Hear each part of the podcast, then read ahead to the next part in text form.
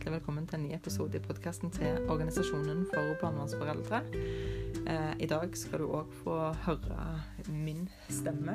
Eh, jeg skal snakke om et tema i dag som har blitt innsendt av et medlem, og som er et veldig godt og et ekstremt aktuelt tema som berører mange av våre medlemmer og målgrupper. Eh, temaet i dag skal dreie seg om eh, hvordan finne ny partner etter en omsorgsovertakelse. Um, og det Målet med dagens sending er ikke at jeg skal lande eh, ei oppskriftsliste. At sånn og sånn og sånn gjør du det. Eh, målet i dag er å løfte noen dilemmaer som jeg kan stå i, og kanskje få noen innspill eller ideer for dere som hører på, om hva dere gjorde for å lykkes. Eh, når involverer du partneren? Eh, skal du involvere partneren i det hele tatt? Altså mange spørsmål som en kan ha seg.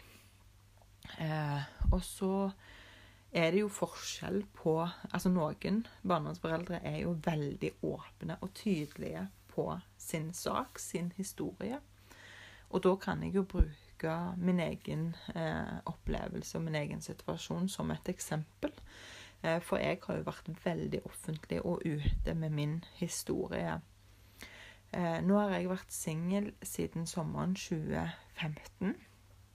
Jeg har helt bevisst valgt å ikke være noe veldig på verken date eller på leiting, fordi jeg har hatt andre ting å konsentrere meg om. Jeg har jobba mye. Jeg har barn som trenger omsorg. Eh, og jeg trengte en pause ifra forhold. Så det, jeg har tatt et bevisst valg om å være alene. Men selv om jeg har gjort det, så har jeg jo hatt tanker om dette med dating. Dette med å finne seg en ny partner. Hvordan det skal skje. Og de dilemmaene som for mitt tilfelle dukker opp, det handler jo om f.eks.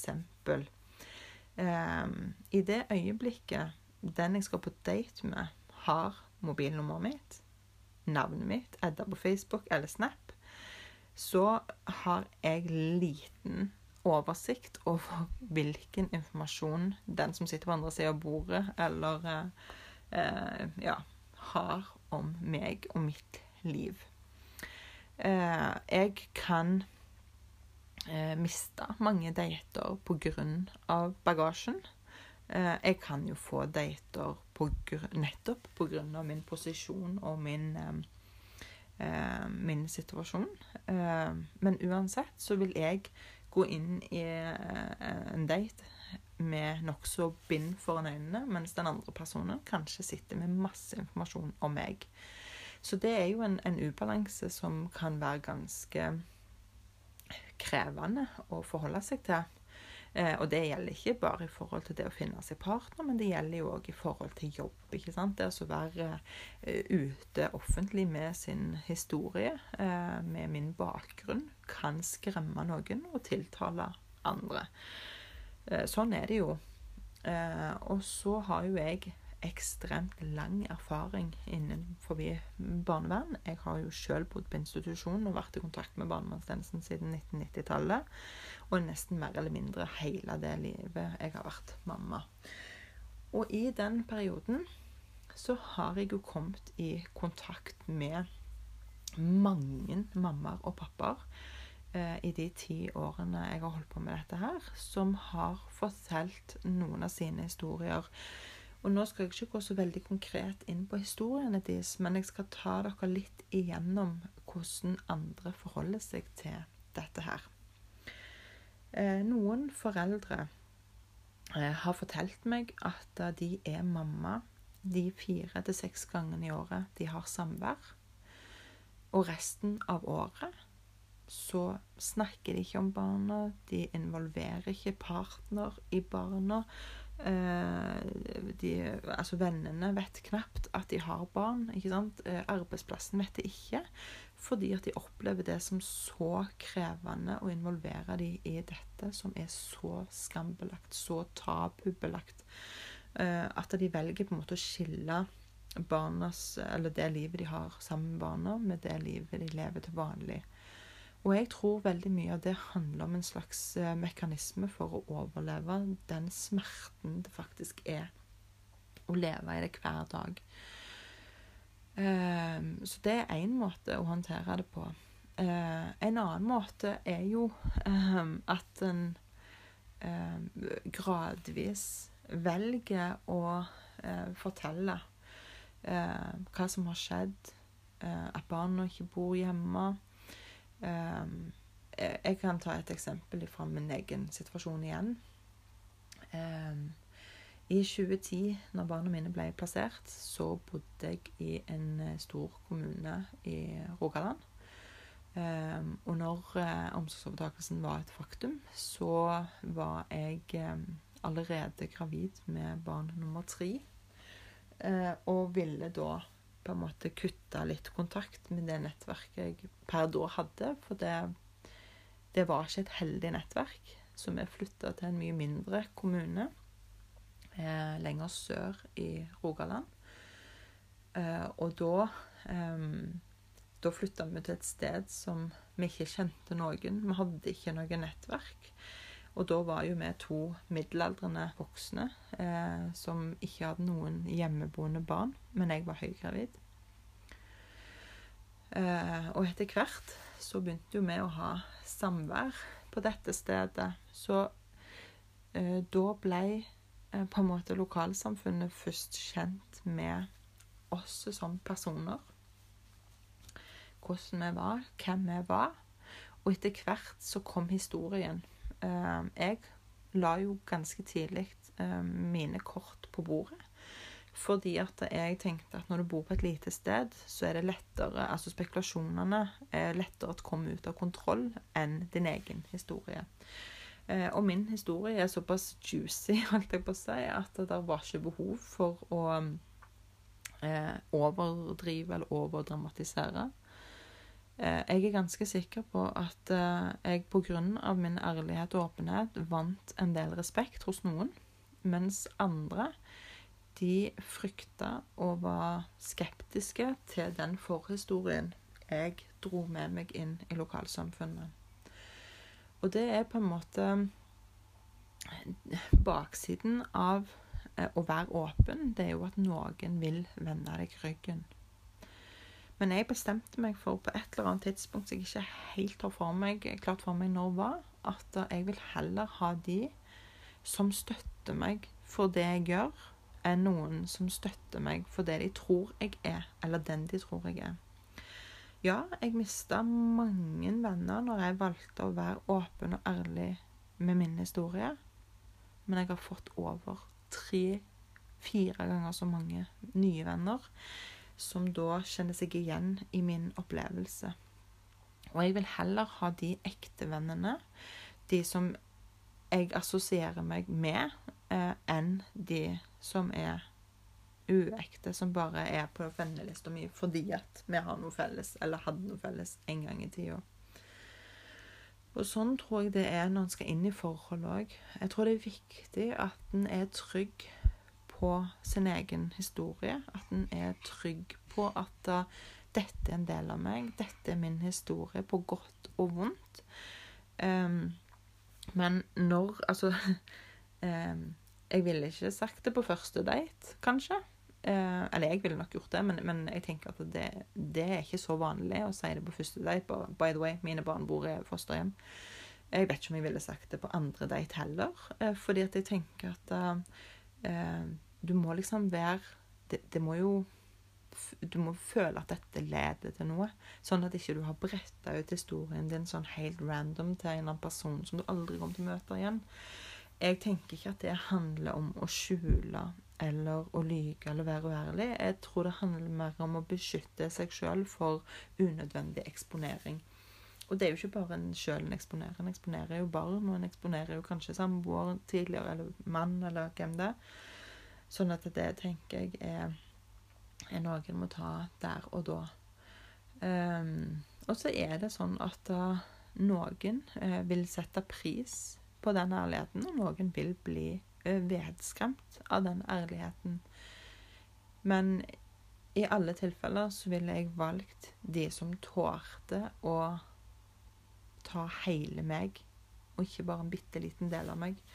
Fordi at mine barn har bodd i fosterhjem, selv om perioden ikke var så lenge, det var to og et halvt og, og fire år, så var jo det en såpass viktig del av barna mine sitt liv og mitt liv at jeg ikke bare kan viske det ut og late som det ikke har skjedd.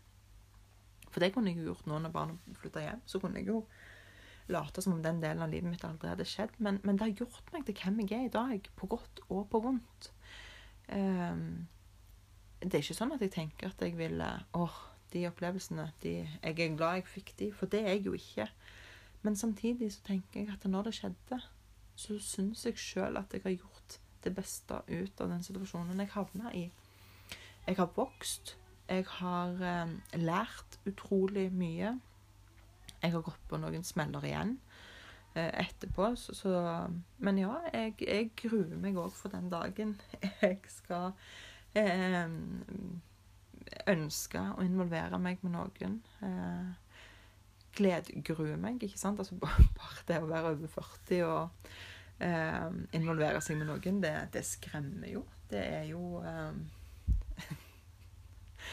Jeg har aldri vært alene så lenge, eh, så, så, jeg har jo spørsmål. Eh, når og hvordan, og kan jeg fortelle alt, eller må jeg pakke det litt inn?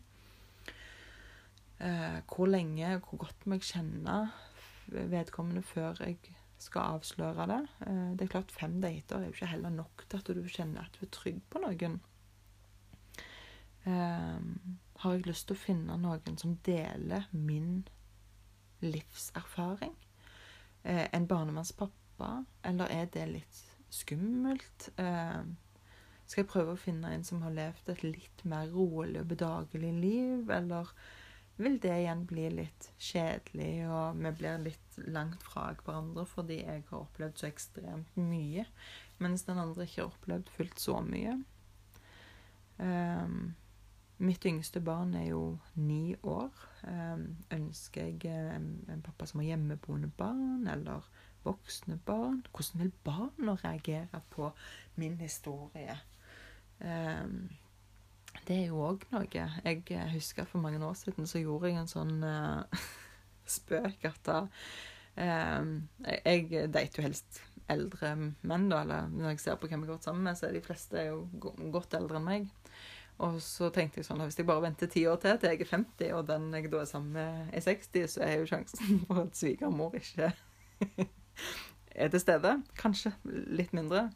Og at det blir litt lettere for eh, den jeg finner meg, da, å ta meg eh, og akseptere at familien aksepterer meg da, når svigermor ikke skal sitte og være så involvert. Men, men, det var jo mer en sånn spøk, da. Men, eh, men det er klart det er kjempeaktuelt eh, hvordan en skal gjøre det eh, i forhold til Altså, noen partnere kan jo kanskje til og med være redd for at uh, hva skjer med mine barn hvis jeg involverer meg med en barnevernsmamma eller barnevernspappa som, som er fratatt omsorgen? Vil mine barn være i fare? Uh, jeg vet jo at uh, mange venner vegrer seg for å ja, kanskje la barnevernsforeldre passe barna eller være, fungere som barnevakt fordi at Uff, nei, tenk, da blir kanskje barnevernstjenesten bekymra for mine barn. Og det kan jo òg en partner eventuelt tenke at Oi, hva utsetter jeg meg og min familie med hvis jeg involverer meg med en mamma eller pappa som, som da eh, har opplevd omsorgsovertakelse? Eh, så da er det jo noe med det å gå gjennom på en måte historikken og bekymringen. Altså hva er det bekymringen? Hva er kjernen i bekymringen? Eh, kan en gjøre noe med det som gjør at vedkommende vil involvere seg med, blir mindre bekymra? Eh, og hvor lenge skal du være sammen med noen før du forteller the whole truth? Jeg tenker at alt trenger ingen å vite. Men litt um, er viktig. Det er viktig med åpen ærlighet, um, tenker jeg. Og så er det jo litt sånn etter Altså, hva, hva alder er det på barn Uh, er det et barn du ser fire ganger i året, kommer aldri til å flytte hjem igjen? Eller er dette et barn som er 14 år, på vei til å flytte hjem igjen? Vil jo òg ha noe å si for uh, hvor mye du involverer um, den partneren. For det er klart at et barn på 14 år eh, som er på vei hjem, eh, kan jo bli vanskelig å holde og sette munnkurv på barn òg, i forhold til hva forteller barnet.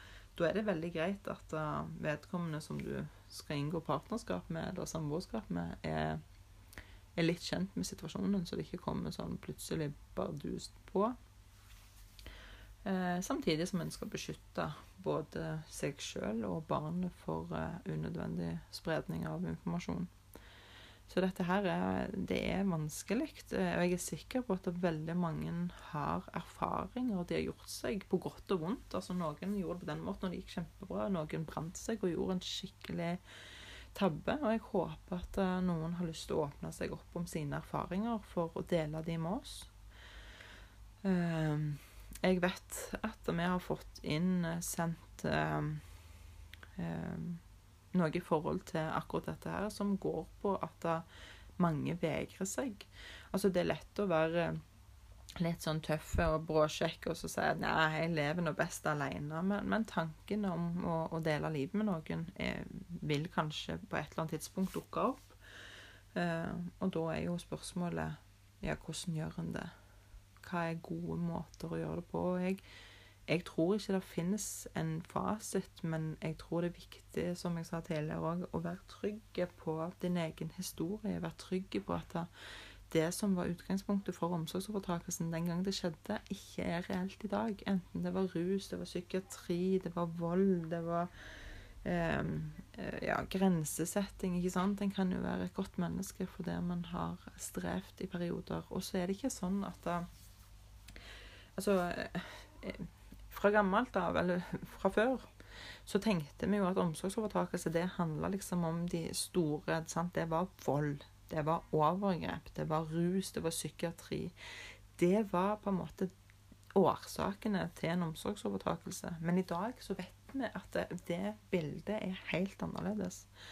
Eh, det er langt mer ymse årsaker til en omsorgsovertakelse, og det jobber vi som organisasjon veldig, veldig hardt for å opplyse det norske folk om at det ikke er de klassiske fire store som er Altså det kan være manglende mentaliseringsevne, grensesetting, eh, at vi ikke møter barnet på Altså er sensitive nok i forhold til barnets signaler. Det kan være liksom sånne ting som er ekstremt vanskelig å måle, og som langt ifra gjør deg til et dårlig menneske. Men for de som ikke har vært involvert, i barnevernet som ikke kjenner til barnevernssystemet, så vil bare ordet barnevern skremme. Og barnevernsmamma, barnevernsbarn, barnevernsforeldre vil skremme enda mer. Så det er Ja. Det er komplisert, og det er vanskelig. Og jeg sitter ikke akkurat og gleder meg til den dagen jeg er klar til å gripe fatt i dating og, og sånn, for det, det, det det er krevende, det er vanskelig. Og, og det å bli avvist pga. sin historie, det er liksom en ny måte å bli sånn smålig traumatisert på.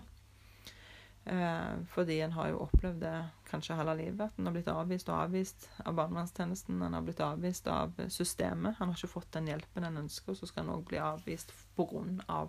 måten systemet har behandla oss. Noen ganger er jo en omsorgsovertakelse reell, og noen ganger så er det snakk om veldig mange uheldige eh, situasjoner som oppstår eh, litt sånn ut forbi vår kontroll.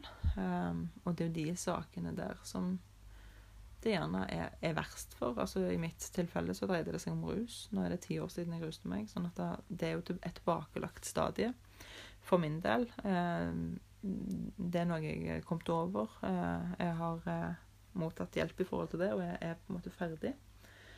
Men så er det de da som gjerne ennå sitter og lurer litt på hvorfor.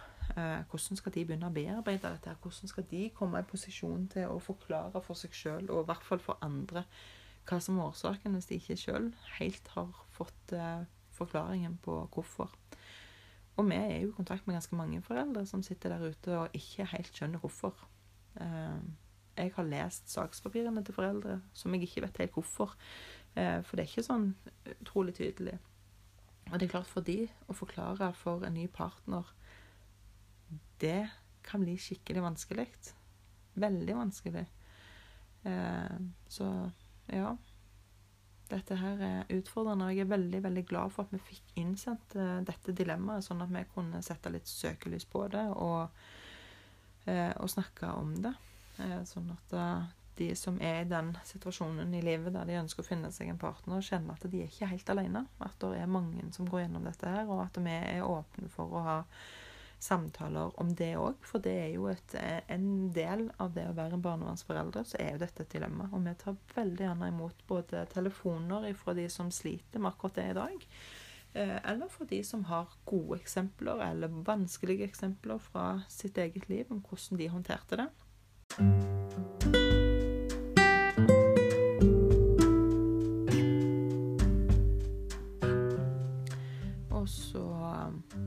Ønsker jeg dere alle sammen som i dag er i gang med dating og prøver å finne seg en partner, masse lykke til med det. Og så håper jeg dere følger oss eh, på podkasten i løpet av høsten, for jeg tror det blir en ekstremt spennende høst. Vi skal òg prøve å få noen eh, gjester etter hvert når, eh, når ting begynner å roe seg litt i, i høst. Så ja, så vil jeg òg minne om Zoom-møtene som vi har på torsdager. Der er det òg lov å dele eh, mislykka eller lykkelige datinghistorier eh, til de som deltar på det. Og så sier jeg nå takk for i kveld.